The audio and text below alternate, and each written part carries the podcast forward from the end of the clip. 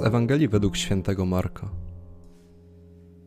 Po swym zmartwychwstaniu, wczesnym rankiem w pierwszy dzień tygodnia, Jezus ukazał się najpierw Marii Magdalenie, z której przedtem wyrzucił siedem złych duchów. Ona poszła i oznajmiła to jego towarzyszom, pogrążonym w smutku i płaczącym. Ci jednak słysząc, że żyje i że ona go widziała, nie dali temu wiary. Potem ukazał się w innej postaci, dwom spośród nich na drodze, gdy szli do wsi. Oni powrócili i obwieścili pozostałym, lecz im też nie uwierzyli. W końcu ukazał się samym jedenastu, gdy siedzieli za stołem i wyrzucał im brak wiary oraz upór, że nie wierzyli tym, którzy widzieli go zmartwychwstałego.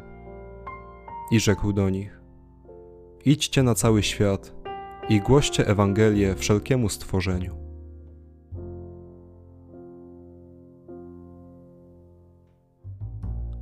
W dzisiejszej Ewangelii Pan Jezus trzykrotnie ukazuje się już po zmartwychwstaniu.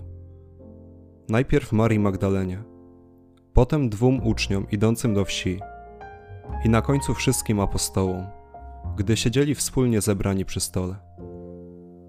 Jezus zarzuca apostołom brak wiary – nie tyle w niego samego, ale w słowa ludzi świadczących o nim. Nie wystarczyły im słowa Marii Magdaleny, czy nawet swoich współbraci. Uwierzyli dopiero, gdy sami zobaczyli Chrystusa. Możemy się zastanowić, co wtedy czuł Jezus. Tyle czasu przecież przygotowywał ich na to wydarzenie. Mówił o męce, śmierci i zmartwychwstaniu, a oni dalej nic nie rozumieli. Być może cały czas byli jeszcze w szoku, że mistrz ich opuścił. Ale Chrystus nie ukazał im się bez powodu. Chciał on przekazać im najważniejszą dla nich informację, aby dalej świadczyli o nim, i to nie tylko w Jerozolimie, ale na całym świecie.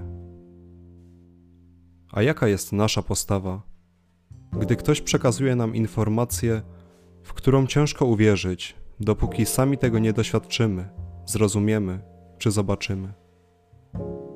W dzisiejszym świecie z ogromną trudnością przychodzi nam uwierzyć w słowa, które słyszymy pierwszy raz z ust chociażby naszego przyjaciela.